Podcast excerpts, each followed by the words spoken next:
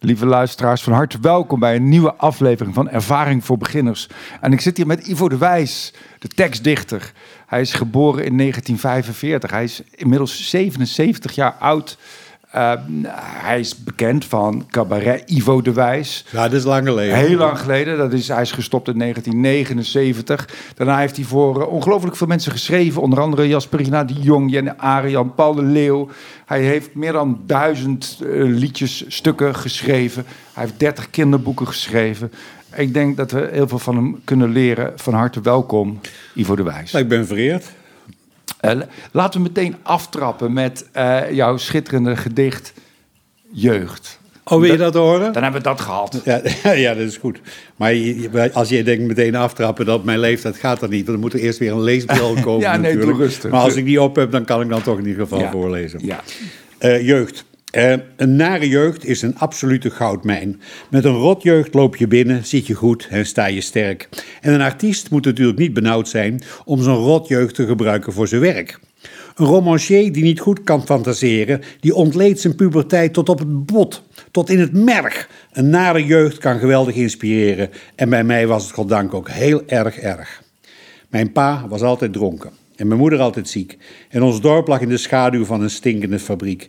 Mijn ooms en mijn tantes hadden allemaal WW. En mijn opa en mijn oma waren bij de NSB. Mijn vader gaf geen bliksem om zijn dagelijks karwei. Dus er zat voortdurend schimmel in de hennepkwekerij. Ach jongens, help een beetje, riep mijn moeder dan ondaan. Maar mijn drie broertjes en ikzelf konden die klus helaas niet aan. We leden kou en honger. Er was helemaal geen geld, want mijn pa verzoop de cent. Ach, dat heb ik al verteld. We kregen minder eten dan de kippen in de ren. Enkel draadjesvlees en pens van slagerij J. van der Ven. Er was geen snipperliefde. En de meesters van de school waren stuk voor stuk sadisten met een zweep en een pistool. Ik had min 6, min 7, dus ik zag niks op het bord. En net als mijn negen broertjes had ik steeds een slecht rapport. Maar bij elke serie klappen en bij elke portie straf dacht ik: later, later, later schrijf ik alles van me af.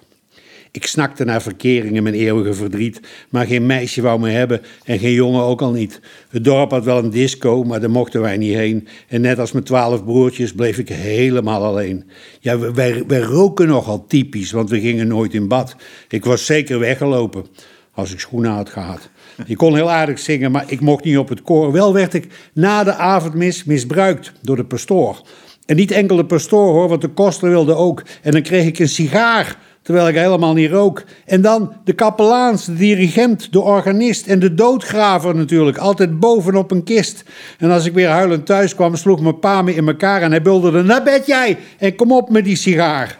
Hij trapte me de trap op en nog doof van het rumoer lag ik met mijn twintig broertjes op de planken van de vloer. Maar als ik de slaap kon vatten, droomde ik tot morgens vroeg. Later, dacht ik, later, later, later heb ik stof genoeg. Een nare jeugd is een absolute goudmijn. Je moet psychisch zijn gemangeld en lichamelijk verscheurd. Het moet verrot en aan alle kanten fout zijn, maar u raadt het al. Zo is het niet gebeurd. Ik heb het heerlijk gehad. En dat was boffen met twee superlieve ouders en één broer, maar eerlijk waar. Ik had het goed. Dat was mooi. Onovertroffen. Maar het is wel ellendig voor mijn repertoire. Schitterend, Ivo. Ooit geschreven voor uh, Marijn Brouwers, die met uh, Arian een uh, programma in elkaar had gezet. En Jenny zong toen meer haar vaste oude hits, maar Marijn had behoefte aan wat nieuw materiaal. Dan heb ik dit voor hem gemaakt. Maar ik lees het ook met verve zelf voor. Ja, ik vind, ik vind ook de. de ik, ik, heb het, ik heb ook zijn uitvoering gehoord. En mij bevalt dat nonchalante, waarmee jij dat, weet je, het half slordige, waarmee, waarmee jij het voorleest, bevalt me eigenlijk beter dan dat dat heel bijna serieus wordt, wordt gezongen, dat lied.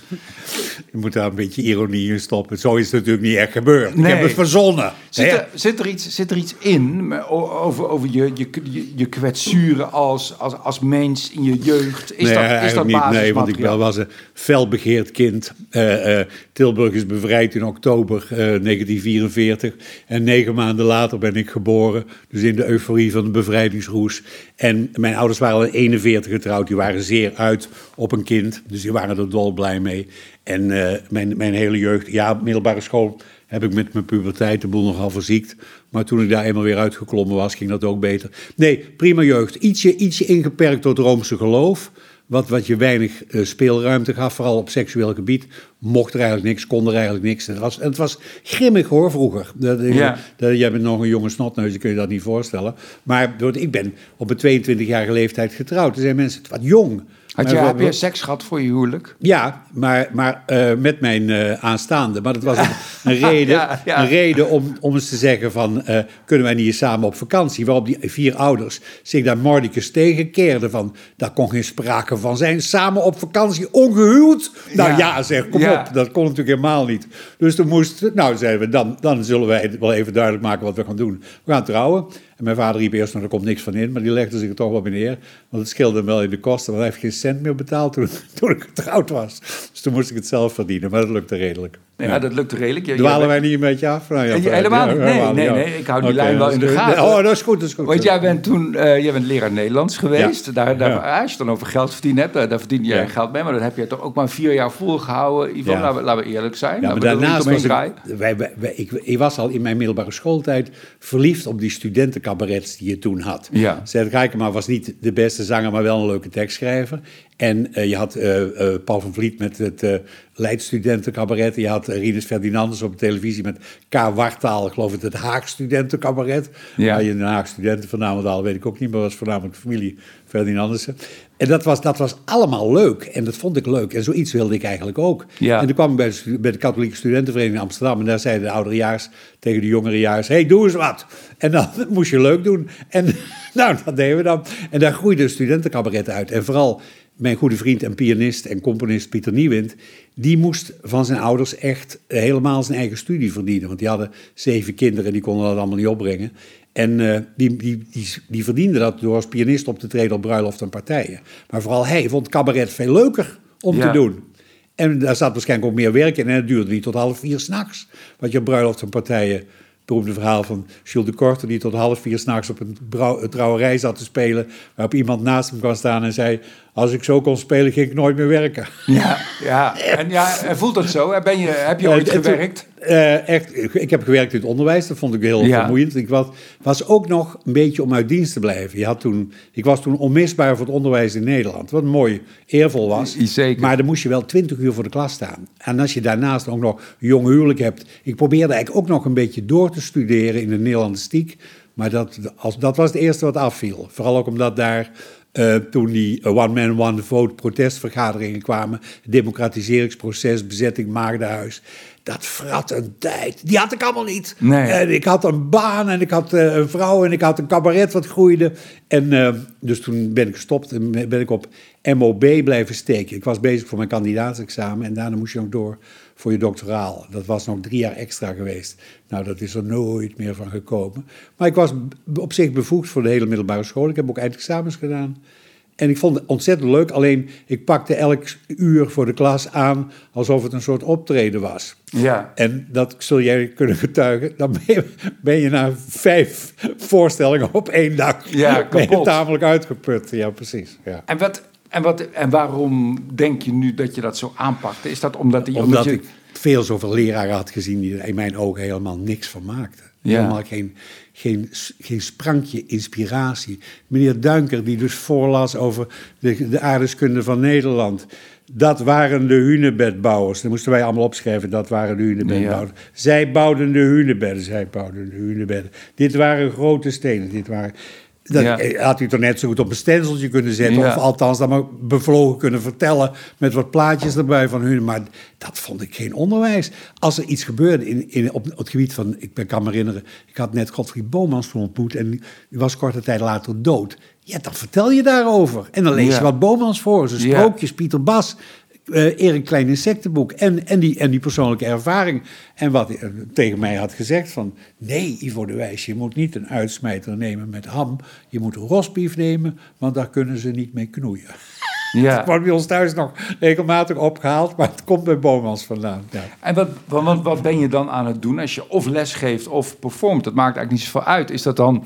eh, ja, hoe zit die balans dan met, met tekst en met op- bevlogenheid? Bij optreden, daar, daar kan je eigenlijk met twee uur doen, want daarna ben je, ben je kapot. Ja. En, eh, eh, want je, ge- je geeft je helemaal. En het is vaak ook nog eh, lastig, kan wij, want je moet dingen toch uit je hoofd leren en eh, in de juiste volgorde reproduceren. En daarnaast toch een beetje inspelen op wat er in zo'n zaal gebeurt en leeft. Zonder het te gek te maken, want daar hou ik niet van. Maar in ieder geval dat je niet helemaal van de wereld bent. Zonder het te gek te maken? Ja, nou ja, er zijn, er zijn van die tegenwoordig nogal van die stand-up comedians die ongeveer op alles wat er in die zaal eh, gebeurt reageert. Paul Hane maakt zelfs helemaal geen programma. Die, die denkt, ik ga wat mensen opbellen op het podium en, wat men, en met de mensen op de eerste rij praten. Ja. Of ze een goede week hebben, ja of nee. Dat vind ik te mager. Ja. Dat is te weinig. Ja. Dus eh, eh, je, moet, je moet er wel over nadenken wat je gaat doen. En niet denken van, ik ben leuk, dus komt het allemaal wel goed. Nee, eh, nee dus zo gaat het niet. Je, moet, je moet het voorbereiden. En dat vind ik dus eigenlijk van, voor een leraar ook. Niet, niet op de automatische piloot door die klas heen sudderen, maar een goed verhaal vertellen wat de mensen bijblijft. Ik kijk terug op mijn docenten van van de middelbare school. En dan pik je er een paar uit. Denk je, die was goed, leraar Frans. Maar ik heb nog steeds een liefde voor Frans. En die draaide in de, in de klas Georges Brassens en Jacques Brel en eh, andere eh, grootheden. En eh Patachou. En die draai ik nog. En nog steeds denk ik aan meneer Dekkers terug. Ja. zal wel niet meer leven. Maar meneer Fransen deed Nederlands. Nou, ook geweldig. Ja. Ja, ik herken het. Met de docenten, die paar leuke die ik Maar heb er zijn gehad. er En- ook een paar bij wie je zegt, mijn beste man, sudderen naar je pensioen. God, wat een treurig leven. Maar dat is het leven van veel mensen natuurlijk. Daar gebeurt gewoon te weinig in. Ja. Als je, het- hoe heb jij, hoe, als je terugkijkt hè, naar jouw, jouw vak als, als tekstdichter, eh, hoe, hoe heb jij je on- ontwikkeld? Hoe heb jij ge- geleerd? We hadden thuis al dus enorme interesse. Mijn ouders hadden interesse in cabaret, een Nederlands lied. En die hadden een eh, platenverzameling waar was voornamelijk allemaal eh, cabaret en eh, aanverwant. De Ja. musical, de eerste musicals, Irma La Douce, ehm My Fair Lady.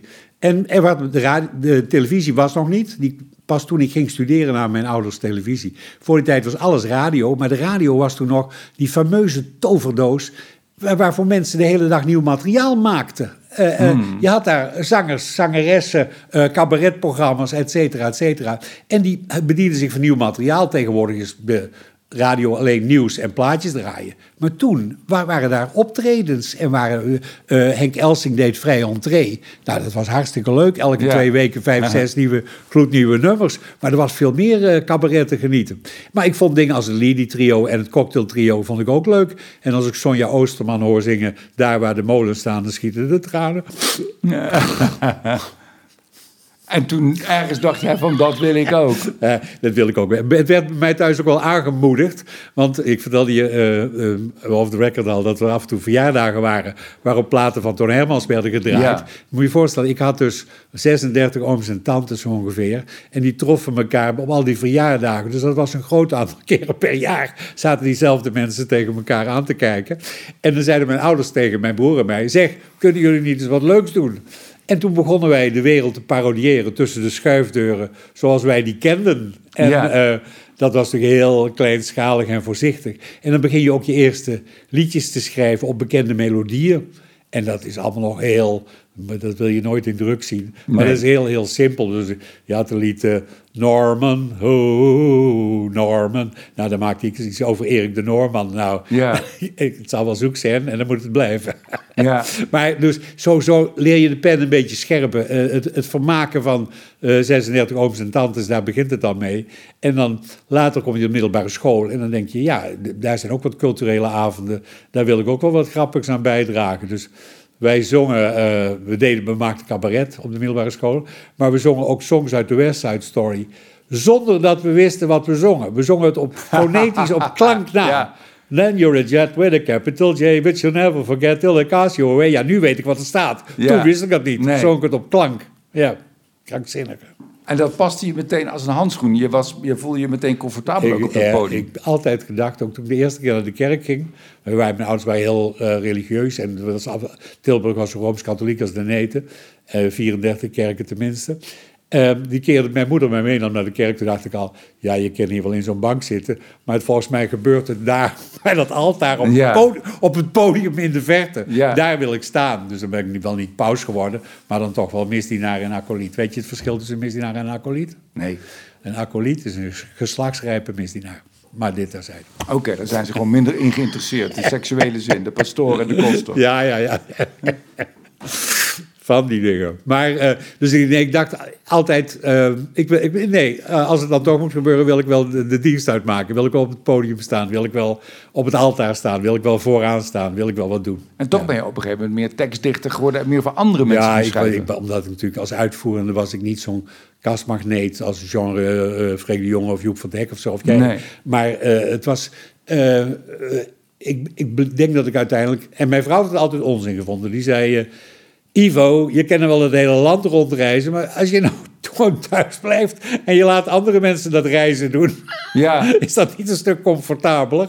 En toen dacht ik, ja, maar, maar het kwam ook een beetje dat... was mijn cabaretier voor de wijs blijven bestaan... dan was er waarschijnlijk nog een aantal tijden doorgehobbeld.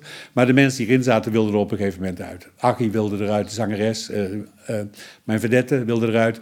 We hebben nog een jaar met Marnix Kappers gewerkt... maar die, dat, oh ja. ging, dat was leuk. Maar Van de familie Knots. Goed programma, ja. Het was een goed programma. Maar uh, Marnix en Pieter, dat vleugde weer niet zo goed. Wel buiten de planken, maar niet op de planken. En uh, dan merk je ook een beetje dat. Ik ga niet in mijn eentje optreden, natuurlijk. Uh, ja, op een lichte gedichtavond, uh, tien minuten, maar langer moet het niet duren. en dus dan valt zo'n groep verkruimelt een beetje. En toen al vrij snel kwam er wat anders. Jasperina de Jong kwam in de zaal zitten.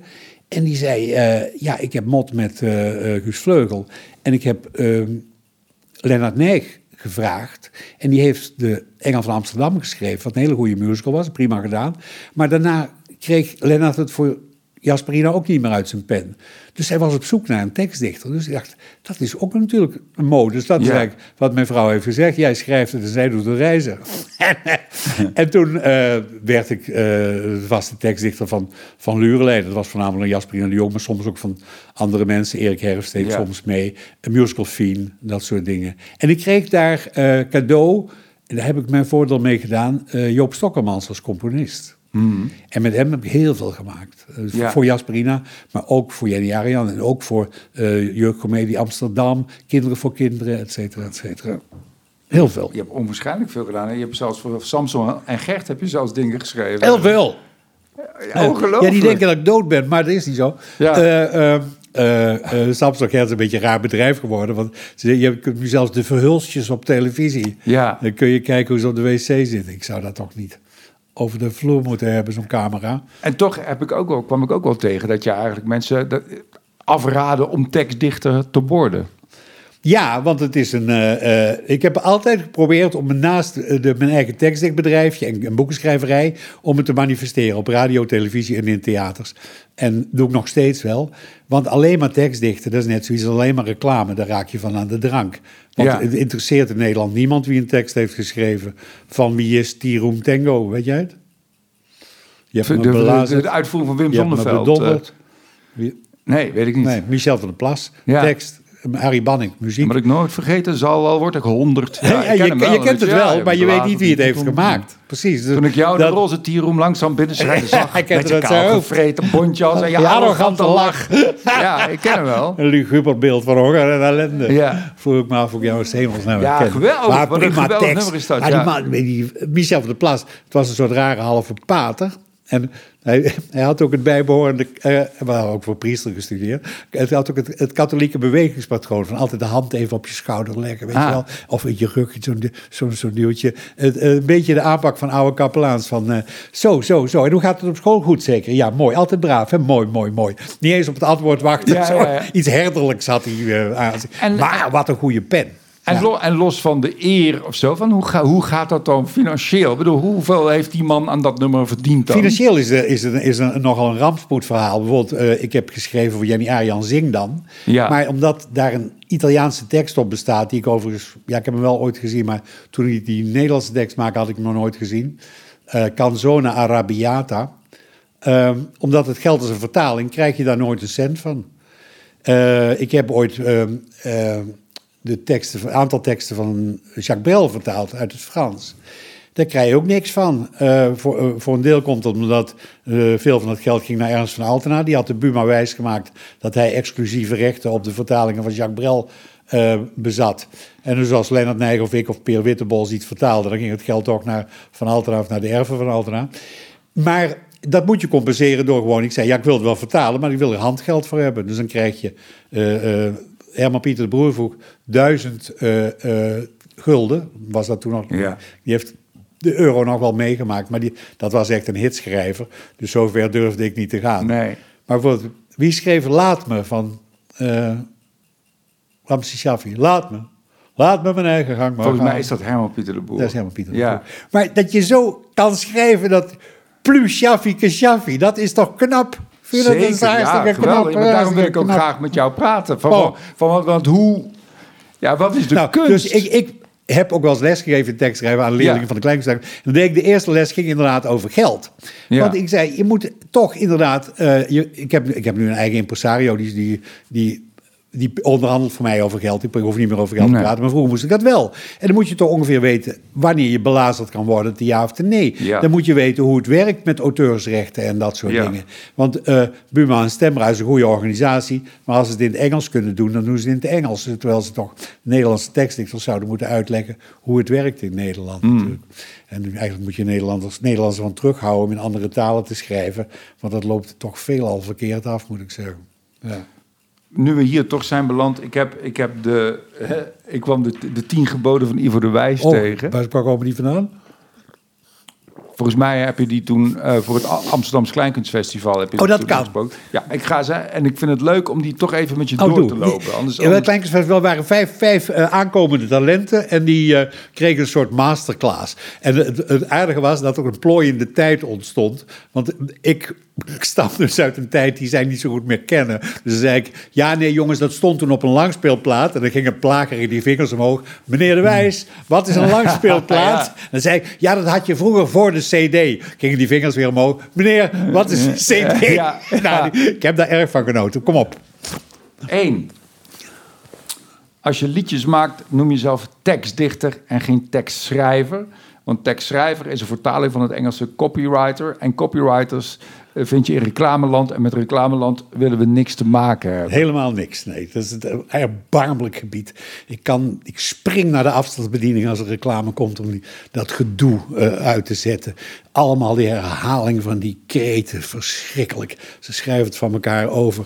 Allemaal mislukte talenten die op die reclamebureaus terechtkomen en weer. Ja, wat moet je? Je kan niet zonder nieuw en vernieuwd en nieuwe formule en nu nog verbeterd. En dat komt dan alsmaar weer terug in een andere setting. Je krijgt er wat van. En veel te veel tegelijk, te veel te veel herhaald. Je kan toch eigenlijk niet goed naar tennissen kijken met al die reclames tussendoor. Verschrikkelijk. Het is in maken. natuurlijk ook altijd... ik bedoel, het zijn wel soms creatieve mensen die het bedenken... maar het is natuurlijk in wezen altijd onoprecht. Omdat er een, Ja, een iets wat je zelf niet wil hebben, moet je toch proberen te slijten. Ja. Ik, eh, op een gegeven moment kwam de VARA bij mij en zei... Ivo, je moet ons helpen, we hebben een fout gemaakt. En toen hadden ze eh, eh, de Flora van Nederland uitgegeven... met aanhangende vlinders en beestjes. Dat was heel mooie boeken, maar daar hadden ze wandplaten van laten maken. Die konden ze aan de straatstenen niet kwijt. Kun jij nou niet, jij werkt bij Vroege Vogels... een soort linkje maken en voor de VARA-gids daar een stukje over schrijven... met dan doen wij er wat plaatjes bij. Echt reclamewerk. Nou, dat is een van de weinige keren dat ik zo diep gezonken ben... en dat ik dus copyright teksten zat te schrijven. En wat ik voorspeld had, gebeurde ook om half twee s'nachts... was ik zo dronken als het maar zijn kon. Want Ja. ja, je zit je eigen verdriet een beetje weg te zuipen Ja. met de alcohol. Het was echt heel Je verdrietig. schaamte. Ja, schaamte en verdriet, ja. De Maar, treurnis. en als maker zou je kunnen zeggen dat jij ook toch iets probeert te verkopen. Misschien geen product, maar wel een ideologie. je, probeert ideeën te verkopen en geluk Ja. te verkopen en amusement te verkopen, lak te verkopen. Maar je mag jezelf wel slijten hoor, voor mij. Maar het slijten van weer de, de zoveelste onzin die eh, in een potje zit, nee, dat lijkt me allemaal niks. Ik zou het nooit willen doen.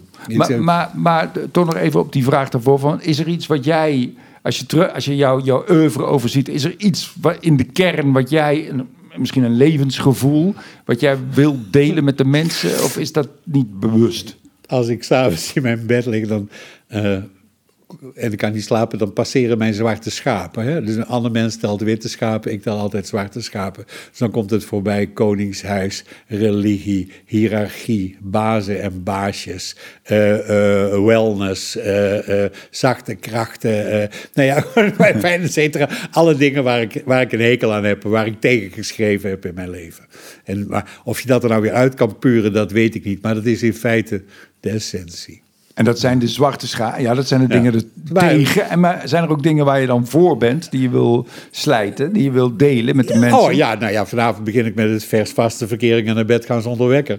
Dat, dat, dus eh, in feite vind ik dat mensen ook niet zo eh, raar moeten leven. Je, je, moet het, je moet het jezelf een beetje naar de zin maken. Ik heb erg gebuf, geboft met mijn humeur. Maar Ja. waarom hebben veel mensen dat nou ook niet? Er, is toch maar weinig voor nodig. Dat is, Nou ja, maar het is wel ongelooflijk, want dit is... De, ik, een half uurtje geleden stond ik in de parkeergarage in paniek naar mijn sleutels te zoeken. En toen hoorde ik een man heel vrolijk fluiten.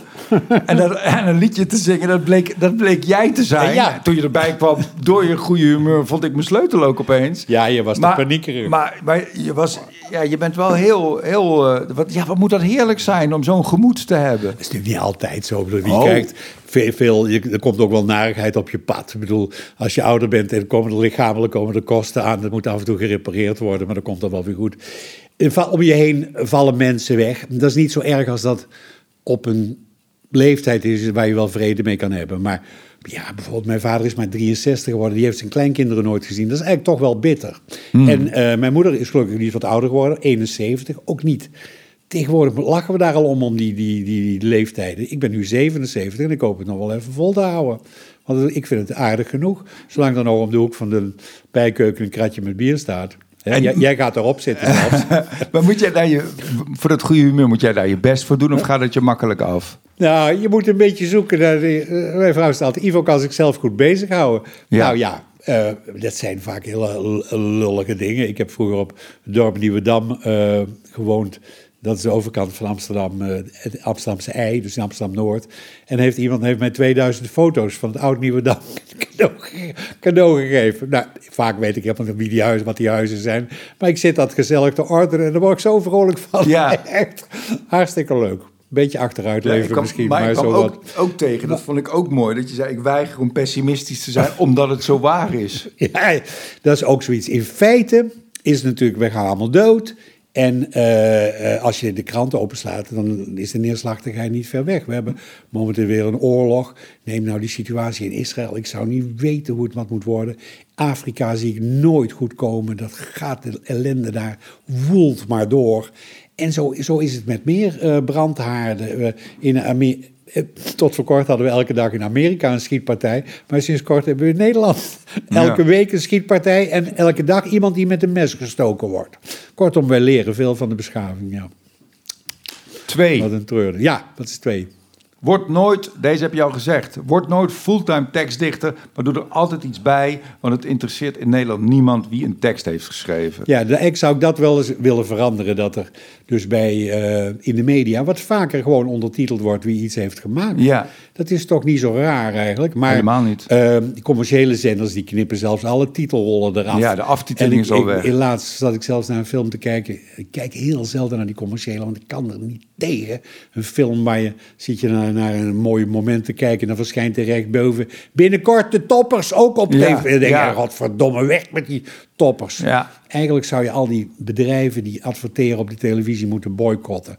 Maar dat kan niet, want ze doen het allemaal. Je kan niet van Albert Heijn naar de Jumbo naar de Lidl lopen. Want die maken allemaal reclame Ja. op die dingen. Dus dat kan niet. Maar was ik, oh ja, eh, dat ze wat vaker vertellen wie iets heeft gemaakt. Dat zou, veel zou misschien meer mensen aanwakkeren om tekstdichter te worden. Het zou de tekstdichters die er zijn iets meer van de fles afhelpen misschien. Maar het zou ze vooral de rechtvaardigheid geven van kijk, ik heb dit gemaakt. Ik roep altijd ook tegen die eh jongelui die dan eh, van mij masterclass kregen, zei ik, je moet nooit vergeten het, het trotse gevoel van de tekstdichter, hij is de bron. Hij, hij bedenkt het, hij maakt het en dan pas komt de componist en dan komt de uitvoerder, dan komt de regisseur, de dansmeester, de cameraman, de regisseur. Dan wordt het verder, krijgt het vorm en body, maar in feite, jij bent het begin, jij bent Ja. het mosterdzaadje. Ja, ja. Nou, het is zelfs ook zo. Ik, ik, ik speel wel eens mee in in een film. En dan word je- Vaak. dan word je gevraagd voor een talkshow om daar iets over te zeggen. Terwijl de regisseur heeft daar veel meer over te zeggen. Ja. Die heeft daar drie jaar over nagedacht. Die, heeft, die heeft gecast, die heeft de muziek bedacht. Die heeft alles, die heeft alles, alles gedaan. En dan, ik heb alleen maar met die, die, paar zinnen uit mijn teksten Ja. eh, uit mijn hoofd geleerd. En dan, dat, dat, is, dat, is, dat vind ik soms ook heel, heel gek. Ik moet zeggen, met groot genoegen. Ik was bij Jenny Arian en Brigitte Kaandorp in Carré. En die, eh, eh, had natuurlijk wat uitnodigingen verstrekt. Dus op een gegeven moment riep ze dan op het podium... Oh, en ik wou even wat zeggen. Eh, de tekstdichters zijn er vanavond. Waar, waar zijn jullie? Ivo de Wijs, Jan Boerstoel... eh, nou ja, Theo Nijland, componist. Dat, dat, dat was hartstikke leuk om dat, om dat mee te maken. Ja. En we, we, we gingen staan, we kregen een spotje... en we kregen een applaus. Erg leuk. Nou, Zo weinig was- is er voor nodig maar- om ja, tekstdichter een beetje Maar- gelukkig te maken. maar eigenlijk moeten mensen. Maar het is wel treurig dat veel mensen in het vak zelfs niet weten. Eh, eh, mijn, mijn, mijn zus werkte op, in een bejaardenhuis in eh, Friesland. Die zei: We hadden optreden van Loekie Knol. Weet je dat hij een nummer van jou zingt? Ik zei: Nee, dat wist ik niet. Nou, zei ze: eh, Dat zingt ze, dit of dat. En, maar het leuke is, ze vertelt er wel bij dat het van Guus Vleugel is. Eh, moet ik wel zeggen: Na de pauze zingt ze iets van Guus Vleugel. Waarbij ze vertelt dat het van jou Ja. is. Ik zei: Nou, dan houdt de boel dan toch nog een beetje in evenwicht. Vrienden. Nou, dat is drie. Ook uitvoerende artiesten interesseert het niet wie teksten geschreven hebben. Ze denken dat teksten aan bomen groeien. Dus spreek, als je voor iemand gaat schrijven, vooraf af dat je daar ook geld voor wil hebben. Ja. We zullen ze nu maar even X, Y Z noemen. Dus X belt op, zei Ivo, eh, eh, ik heb een tijdje niet gezongen, maar ik ga nu weer zingen. En ik heb een oud nummer van jou. Zou je dat een beetje voor mij willen oppoetsen? Ik zei, ja, natuurlijk wil ik wel oppoetsen, maar ik heb daar een winkeltje van. Ik besta van tekstschrijven, teksten Ja. schrijven. Dus dat gaat je wel wat kosten. Nou, Ivo, dan wens ik je nog een prettig weekend. Ehm, eh, andere mevrouw belt op en zei: Ivo, ik heb een lied voor jou geschreven voor de eh, Bouw- en Houtbond FNV. Die muziek was zo leuk. Ik zou er eigenlijk wel een andere tekst op willen hebben, dat het niet over hout en bouw gaat, maar over wat anders. Ik zei: Ja, dat kan ik voor je doen, maar dat, ik heb daar een winkeltje van. Ik besta daarvan. Ik heb eh, hongerige kindermoeder, eh, kindermondjes te voeden. En, dus ik ga je daar wel een nota voor sturen. Nou, Ivo, dan wens ik jou nog een prettig weekend. Zonder überhaupt te vragen wat het dan kost, gewoon niks willen betalen. Er wordt gewoon niks. Ze wilden daar niet voor betalen. Ze wilden daar niet. Ik heb Tony Huurdeman, nou die is dood, dus die kunnen we dan wel even beroddelen. Die heb ik eh, een parodie horen zingen op Catharina Valente. Sweetheart, my darling, mijn schat. Op zich toch niet zo'n eh, onlelijke parodie. Alleen was op dat moment Catharina Valente al vijf jaar dood. Maar dat mens verdomde het om ook maar nieuw materiaal aan te schaffen. Dus die bleef gewoon die oude dingen zingen die ze altijd al gezongen had. Want ze hebben geen cent over. Zelfs een timmerman koopt nog een goede hamer. Ja. Maar een, eh, veel tekstdichters verdommen het om een tekst eh, te kopen. Hè. Herman van Veen heeft nooit een spie betaald voor... Als liefde zoveel jaar kan duren, dan kan het zeggen wel liefde. Dat is toch eigenlijk... Dat heeft Lennart Nijg vertaald. Eh, en die heeft daar alleen het geld voor de televisie ooit van gekregen. Herman van Veen hoorde het daar en heeft het op zijn repertoire gezet. Ja, dat is toch niet netjes. Want, hoe ligt het dan wettelijk? Moet hij eigenlijk wel betalen? Nee. Of, nee. Het, eh, het zal waarschijnlijk, als iets op een plaat staat, mag iedereen het uitvoeren. Dus dan, eh, daarmee is het Dat wist ik vrij. helemaal niet, ja. Eh, maar daar, daarmee is het vrij. Maar, en in dit geval is het dus weer een vertaling, zodat er dus nooit Buma stemrechten bij Lennart Nijg terecht zijn gekomen. Maar ja, die is ook dood, dus vooruit. Eh, dus de, de- het is, eh, mensen probeert de, erachter te komen wie iets heeft gemaakt. Dat, dat leef je completer als je dat weet. We hebben 1, 2 en 3 gehad. 4, nou, die zit ook hier ook een beetje bij. Spreek een werkhonorarium af als iemand je iets wil laten vertalen. Ja, natuurlijk. Want, Ja. want realiseer je dat je door voor vertaling dus niks krijgt. Officieel bestaat er een mogelijkheid om, ehm, omdat je door de vertaling het werk bredere verschijning heeft, dat je een aantal procenten kan krijgen. Daarvoor heb je nodig een autorisatie van de oorspronkelijke maker. Dat zou dus Jacques Brel hebben moeten zijn, maar die is dood. Ik heb dus één keer opgebeld met eh, het kantoor van Jacques Brel, de erven Jacques Brel, Ja. in eh, eh, Brussel zit dat. En een dochter van hem stond daar aan het roer of staat daar nog aan het roer. En toen kreeg ik dus de Franse advocaat die ze hadden, de meester in de rechter die ze aan dat bureau hadden, die sprak Frans. Maar dat, ik kan wel een beetje Frans babbelen, maar niet over auteursrechten, procenten eh, en rechtvaardigheid in het algemeen. Dus dat gesprek dat liep in no time dood. En toen dacht ik, ja, nou dan blijft het zo. Ik heb mijn best gedaan. Ja, ik heb mijn best gedaan. Dan kon ik niet verder. Nummer 5, die lijkt mij heel belangrijk en dat vind ik leuk om over te praten. Bes- bestudeer de grote voorbeelden. Annie M.G. Schmid, Michel van der Plas, Dr. Anders P., Jules de Korte. En ook buitenlandse mensen als eh, Jacques Brel, Randy Newman, Georges Brassens, Tom Lehrer. Peuter de teksten als horloges uit elkaar. Schrijven is een ambacht eh, en een ambacht valt te leren. Hier zijn we bij Ervaring voor Beginners. ja, Ja. eh, nou ja, inderdaad, er zijn heel veel fouten die je meteen kunt vermijden natuurlijk. Ehm, de de beginnende tekstdichter, vanavond treedt ook mijn neef eh, Theo op, Theo Danes. En zijn moeder, mijn zus, dus die kwam bij mij met wat hij had geschreven. Zei, eh, is het wat? Ik zei, ja, het is leuk. Alleen het is technisch is het nog heel erg onvolkomen. En wat was dat? Gewoon, de ene regel eh, was 24 lettergrepen en de volgende was 14 lettergrepen. En de daaropvolgende was 16 lettergrepen. Dan wordt het toch iets wat meer geschikt is voor een poesiealbum dan voor een podium of voor een bundel. Dat is nog te rafelig. Je moet een beetje de structuur van een lied of van een gedicht ontdekken. Bij een sonnet, bij een goed sonnet, zijn alle regels toch ongeveer even lang. Waarbij de, de vrouwelijke rijmen, dus lopen, kopen, meestal een extra lettergreep hebben. Maar goed, je moet kijken hoe een sonnet in elkaar zit. Wat is een sonnet, wat is een triolet, wat is een rondeel, wat is een olkebolke, wat is een kwatrijn. Dat moet je weten. Dat zijn gewoon de, de, de, de bouwstenen waarmee je moet werken. Ga je liedjes maken, dan moet je weten dat je met coupletten en refreinen van doen hebt. En dat er op coupletten en refreinen nog weer variaties mogelijk zijn. Het, eh, een extra refrein een halve toon hoger. Dat je tussendoor een zogenaamde brug kunt maken. De Bee Gees zijn er bijvoorbeeld heel goed in. Die hebben altijd een brug. Wat is In een brug? Een brug is geen Take- couplet take me en to the refrein. bridge. Maar meestal is het een manier om met vier, eh, vier regels weer sneller bij je refrein te belanden. Een Ah. couplet is meestal vrij lang, twaalf regels, acht regels. Maar een brug is korter en heeft een andere melodie. En is eigenlijk een sneaky way om weer terug te komen bij je refrein.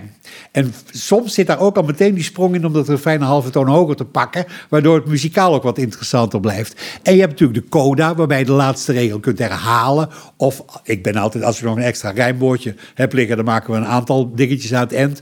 Een typische coda van Dr. Anders Peet, bijvoorbeeld van trojka hier, trojka daar, overal zit paardenhaar, trojka hier, trojka daar. Dan gaat hij alsmaar op aard doorrijmen als een slot bij een toch al lang nummer over die Ja. sledenvaart Ja. waar die kinderen uit de, de trojka gem- gemikt worden. Eh, d- dat dus, kijk, eh, inspiratie en zo, talent, dat, dat moet je hebben. Ja. Maar de vakmatigheid, daar kon je een eind mee komen. Er zijn ook boeken die, die, die, die, daarin, die daarin werken en die je kunnen helpen daarbij. Op school hadden wij al literaire kunst. Heb je dat ooit gehad? Van Nee. meneer Lodewijk? Nee. Nou, die, dat was eigenlijk gemaakt voor de officiële dichtkunst. Maar dat maakte je wel al duidelijk wat voor soorten rijm er waren. Dus boom op stoom is mannelijk rijm. Eh, lopen of kopen is vrouwelijk rijm. Kinderen op hinderen is onzijdig rijm. En je kan het zelfs, je wilt er nog een extra onbeklemtoonde lettergreep aanplakken. Dat heeft niet eens een naam. Onverkwikkelijke op ogenblikkelijke. Ja. Dat, eh, maar goed, dat, dat, dat, dat moet je zien, dat, dat moet je kunnen. Iets anders is natuurlijk dat je, als je een tekst maakt, dat je toch ook weet dat je een killer line nodig hebt. Je moet er op een of andere manier uit. Het moet. Ja. Het moet de, de grap moet ergens naartoe lopen. Het Er verhaal moet- moet, ja. ergens heen. Seks met een moet, orgasme, zeg maar. Dat ja, moet- een lied moet ontwikkeling hebben. Ja. Ja. Ja, orgasme een tijdje stoten, maar dan moet het wel ergens komen natuurlijk. Ja. Het moet wel ergens uitkomen. En je weet waar het uit moet komen, dat weet je dan. Ja. Ja. Bij een orgasme, althans een mannelijk. Ja, en een climax moet er zijn. Dat moet een climax wezen. Nou, daar moet je naartoe breien. Maar er zijn op dat gebied eigenlijk veel meer dingen die je kan leren.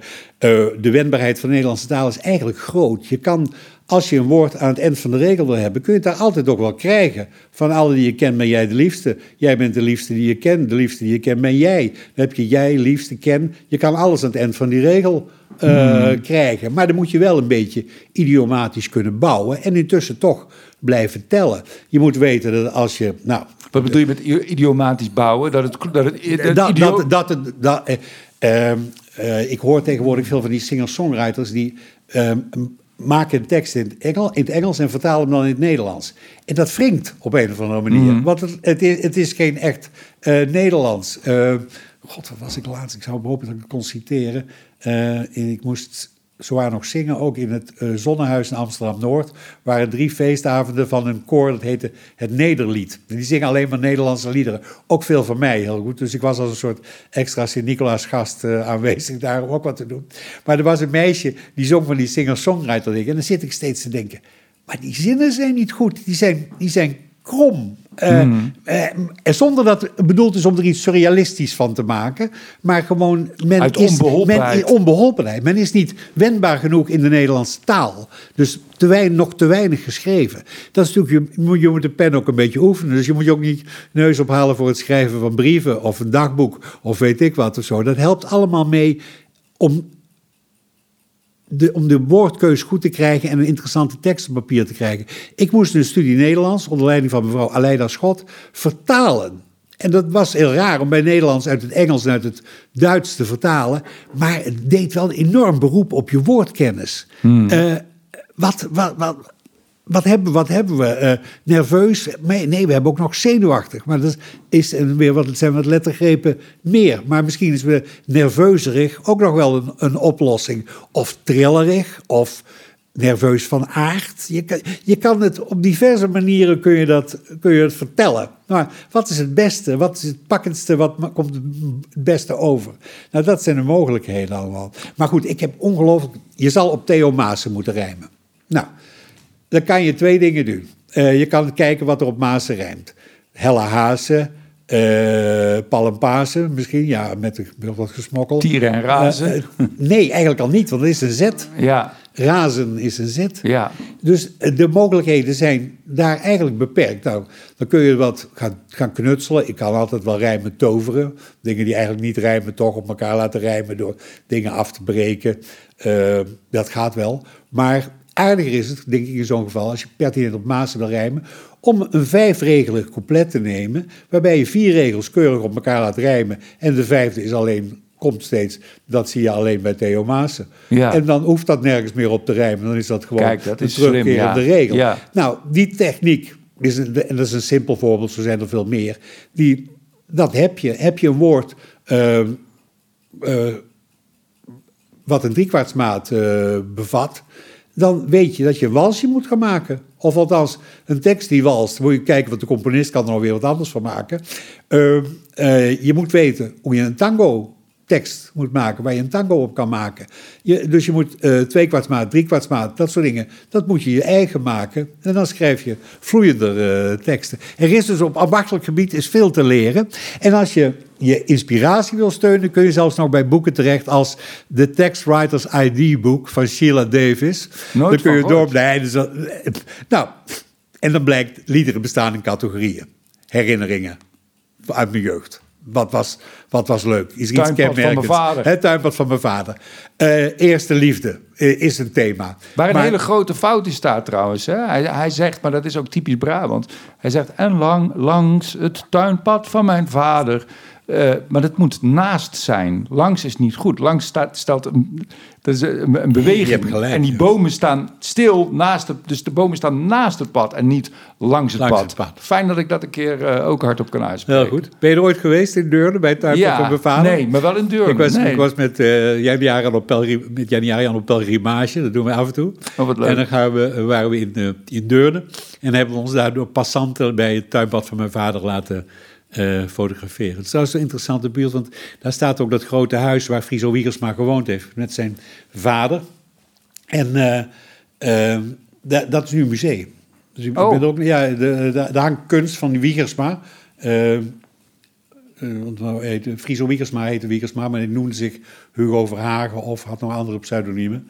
En uh, goed, in ieder geval, die, die, heeft daar, die heeft daar gewoond met zijn broers. Ik ga dat is een mooi, mooi, punt. Even mooi wat punt. ik net zat te denken, ik weet niet hoe jij daarover denkt. Die, amb, die ambachtelijkheid is belangrijk. En dat is ook heel leuk om over te praten. In, in, in, uh, uh, in film heb je de term suspension of disbelief. Ken Nee. die term? Dat, dat is eigenlijk dat in een film zitten ook altijd dingen die niet kloppen eigenlijk. Alleen wat eigenlijk de vaardigheid is van een regisseur... is dat je mensen zo verleidt met, met alles wat je hebt is dat zeg maar, het rationele gedeelte, wat de dingen die niet kloppen detecteert, die schakel je uit door je, door je verleidingskunst. En ik kan me voorstellen dat bij, bij, uh, nou ja, bij een hele goede singer-songwriter uh, de, dat ook doet. Dus die neemt die jou emotioneel ja. mee, waardoor je, want jij zit natuurlijk ook wel heel erg op de kloppendheid van die tekst te, te, te letten. Dat andere is toch ook belangrijk? Het, het, het, uh, de verleidingskunst en dat je iemand... Ja, is ook wel. Ja, ja, kijk, wij zitten li- altijd de lyriek, Hi- zeg Hitchcock maar. te kijken en dan roepen we altijd... waarom gaat die man niet gewoon naar de politie? Ja, ja, als, ja. Hij, als hij dat doet, heb je geen film. Nee, Dus inderdaad. Ja. Maar zo is het bij... bij eh, het rare is dat er inderdaad sommige teksten zijn. Bijvoorbeeld, uh, ik, ik, registreer het vooral in het buitenland. Uh, Welcome to the Hotel California. Die coupletten, die bestaan uit amorfe regels, lang en kort alles bij elkaar. Ja. Ik heb nu net in de, in de eh, autoradio had ik ook Ophelia van de band. Prachtig nummer. Maar je hoort die zanger zoeken waar hij zijn klemtonen moet leggen, want de tekstdichter heeft het niet voor hem klaargelegd. Nee. Dus dat is, eh, maar hij worstelt zich daar keurig doorheen. En het rare is dat het toch een lekker nummer is. Dus er is, er is wel van alles mogelijk. Ik, maar ik ben heel streng opgevoed door Dr. Anders P. en Jules de Korte. En die werkt eigenlijk heel precies. En hetzelfde geldt Tom Lehrer. Ken je hem eigenlijk? Ik heb, omdat Ja. ik hem tegenkwam, ik ken hem niet. Ik heb, ik heb gisteren toevallig door jou, doordat ik iets eh, las eh, van jou, ja. Dat is mijn god eigenlijk. Ja, zo, maar ja, ja. die heeft al die kwaliteiten. Niet alleen is er zo goed aan hem? En zeg nog eens hoe die heet. Hij heet? Tom Lehrer. Dus Ja. de- het Engels, het, het, eh, eh, eh, hij is Amerikaan. Maar Lehrer is een, eh, ik denk een Duitse Joodse naam. Leraar in het Duits. Ja, leraar, ja. L-E-H-R-E-R. Ja. Leraar. En Tom Lehrer, wordt, wordt de meeste met een Amerikaanse tongval. En die heeft dus, wat hij zelf zegt, hij pakt een, een songtype en kicks it when it's down. Dus in feite gaat hij nog een keer extra slecht behandelen. Maar hij heeft prachtige dingen geschreven. Ik zal even voordragen. I hold your hand in mine. I hold your hand in mine. I press it to my lips. I get a healthy bite of your dainty fingertips. My joy would be complete, dear, if only you were here. But still, I keep your hand as a precious souvenir. the night you died, I cut it off. I really don't know why. For now, each time I kiss it, I get bloodstains on my tie. I'm sorry that I killed you, for our love was something fine. Until they come to get me, I will hold your hand in mine. In 16 regels. En Ja. eigenlijk om de vier regels een grap. En het hele drama niet te lang over een koud, snel afgewerkt. Hoera. Prima. Ja. Ja. Dus dat, die man kan dat heel goed. Maar die werkt ook heel nauwgezet en precies geteld. En eigenlijk, Jacques Brel is, heeft grote kennis van liedkunst. Maar het zit wel altijd geramd in elkaar, toch? Ja. Ehm, eh, zoiets als de Mekitepa. Er zijn heel veel rijmen. Eh, maar ook wat variaties toch in de volgorde van de, van de rijmende regels. Maar het geheel is buitengewoon pakkend. Brassens zou zich die vrijheid niet permitteren. Die, die werkt altijd heel precies. En die heeft natuurlijk wel de makken wat al die Fransen hebben. Die doen aan rijkrijm. Rijkrijm is ik ga nooit meer naar de oever van het meer. Dat zeggen wij, dat is twee keer meer. Dat moet je niet doen. Fransen kunnen niet anders. Die doen dat altijd. Ja. Dat is niet anders. Ja. Eh, kijk maar naar een Franse tekst. Die altijd, dat is altijd rijkrijm. Is dus van ehm, Jan en Arie die naar de meisjes slopen... om daar het laatste restje eergevoel te slopen... waren erg netjes op de lakens en te slopen. Ja. Dat is van Dr. Anders P. Maar dat is dus drie keer slopen, dat is rijkrijm. Daar kun je ook weer mee spelen natuurlijk. Maar in, bij Fransen gebeurt het organisch. Die hebben niet eens in de gaten dat eh, de laatste klank eigenlijk een beetje moet variëren. Wa- waar- waarom was Annie M. G. Schmid zo, zo goed? Ik, ik heb ooit een verschrikkelijke ode over haar gemaakt, maar... eh, Je hebt Minous gedaan, toch? ja, ook. Maar ik heb, ik heb ook een, een, heel, een heel goor gedichtje gemaakt over eh, Annie M. G. Schmid. Moeten we dat nu niet even laten horen? Eh, als Annie M. G. Schmid zou horen dat ik haar wel in haar kont zou willen neuken... zou, zou ze zich omdraaien in haar graf. ja, dat is, dat erg pittig. Sorry. Ja, nou, het is niet anders. Ja. Eh, misschien dat ze zelf ook om te lachen, want ze was bepaald niet... Ze was anti-burgerlijk, dat was natuurlijk Ja. leuk. Ik bedoel, de, de, in het gesprek met Ischa Meijer ging het ook vrolijk over de abortus die ze ooit gehad had. En van wie was dat kind dan? Nou, daar was eigenlijk niet veel van meer bekend dan dat de verwekker een pet op had. ja, dat was die met die pet, dat was dat. En ze heeft in een van die musicals nummer geschreven. Hij kwam alleen maar voor de meter. Dat zit met een, met een gasfitter Ja. die de meter op kwam nemen. Dat, eh, dat soort dingen eh, deed, deed zij toch eigenlijk. Dat, dat is toch ook een bepaalde... ik- Als ik dat zou moeten samenvatten, wat dat talent dan is... is dan ook een, ook een bepaalde onverschrokkenheid. Ja, eh, ze was natuurlijk van keurige huizen. Haar vader was dominee. Eh, het huwelijk van die ouders was niet best. En eh, zelf had ze in de liefde ook... eh, heeft het toch lang geduurd voordat ze het een beetje gevonden had. En ehm, uiteindelijk had ze nog een vrij sombere man. Die heb ik nooit ontmoet, dus dat weet ik alleen van horen zeggen.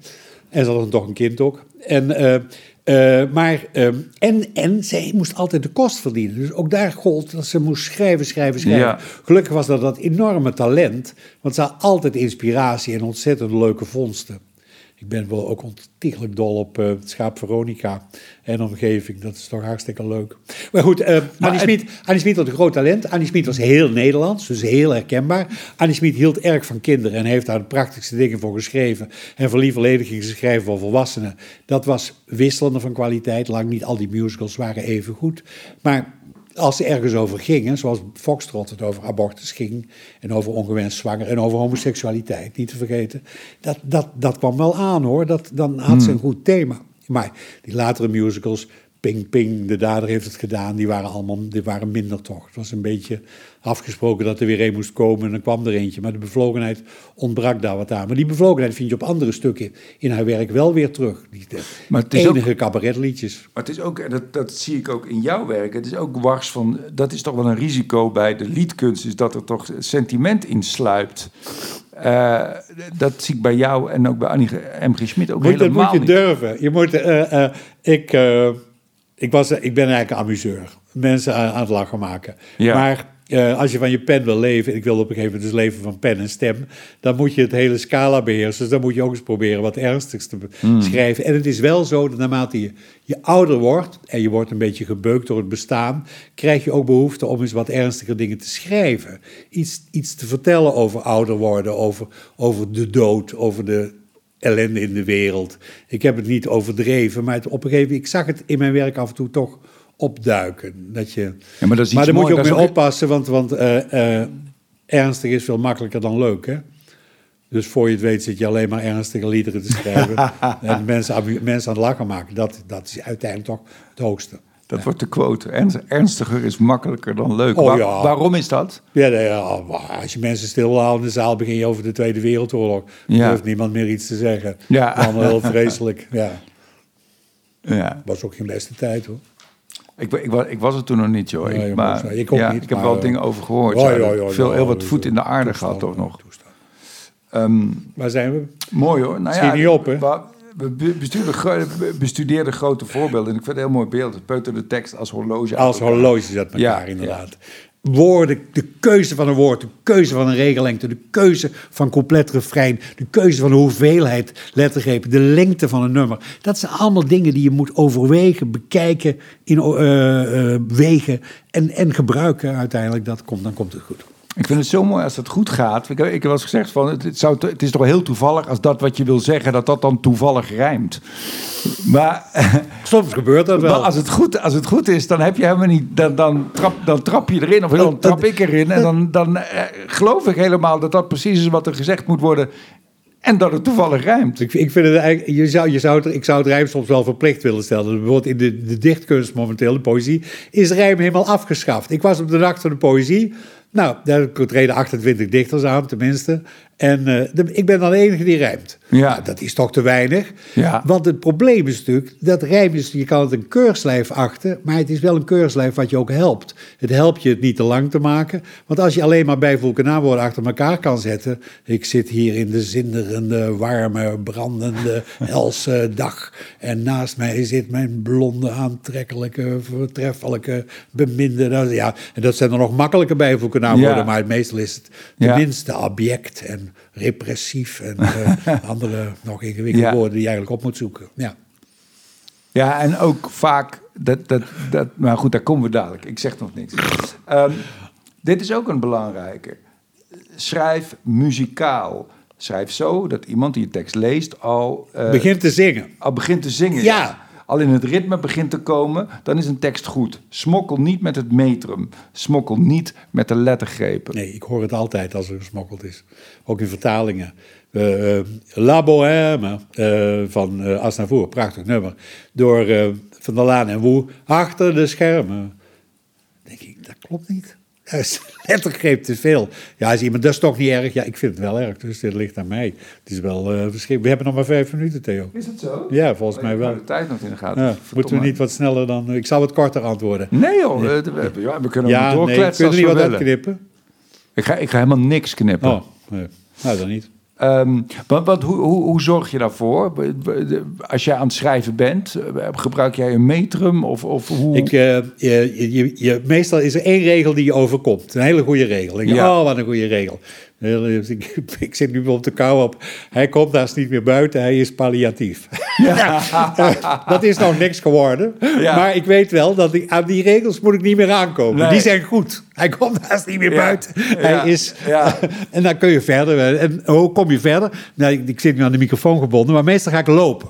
Want dan kom je al lopend, kom je in een soort ritme. En die gaat de rest van dat lied bepalen. Deze regels die zijn bijna uitnodigend voor acht regels. Dan krijg je iets van, hij komt daar niet meer buiten, hij is palliatief. Hij kijkt maar door de ruiten, hij heeft eh, Parkinson of SIF, weet je wel, zoiets. Ja, ja. En dat de vogels fluiten, dan neemt hij maar verliefd. En dan kom je terug bij het Ja. begin. Hij komt daar niet meer buiten, hij is palliatief. Dit is niet goed, maar, maar dat geeft je aan hoe je iets toch rond kan breien in acht regels. Dus dat zou een beginnetje kunnen zijn. Dus die goede regel die, die je overkomt, die uit je talent komt, die moet je met rust laten. Die moet je niet aankomen, die moet je Ja. niet opbouwen. Maar die is jouw metriek, jouw ritme voor de rest. Ja. Eh, eh, van het lied. Dus daar brei je dan voort. En ik ben, ik kan geen piano spelen, dus ik, ik ben niet zo vreselijk muzikaal. Dus ik moet een beetje door de kamer lopen om dat ritme vast te houden. En eh, wat je soms, soms kan helpen, dat heb ik ook wel eens gedaan. Ik moest voor, was niet zo'n beste musical, Koning van Katoren, een pauzenummer maken voor het hele ensemble, wat knalde als een zweep. Dat was geloof ik de opdracht van de regisseur. Ja. Toen dacht ik, weet je wat, ik pak dat nummer Fame, Remember My Name, Fame. En eh, eh, dat vertel ik niet aan de componist, maar ik neem dat gewoon dat schema over. Ja. En dat, dat eh, bleek heel goed te werken. Want die had er eh, tot nooit verteld dat het uit Fame kwam, dat het muziek van Fame, maar hij heeft er eigen melodie op gemaakt. Maar het was wel een nummer wat eh, voor, voor de pauze stond en knalde als een zweep. Nou, dat was wat. Ja. Maar dus dan kan het je helpen om gewoon een voorbeeld te nemen. Guus Vleugel was erg onmuzikaal en schreef meestal blokken van teksten met één uitzondering. Gaan we met vakantie, ja, maar waar naartoe? Dan ken je dat, uh, Dobbe Dobbe Doe van Jasper in de Jong. Lekker, nee, Waarom is dat nee, in zijn oeuvre zo'n afwijkende tekst? Korte regeltjes, muzikaal.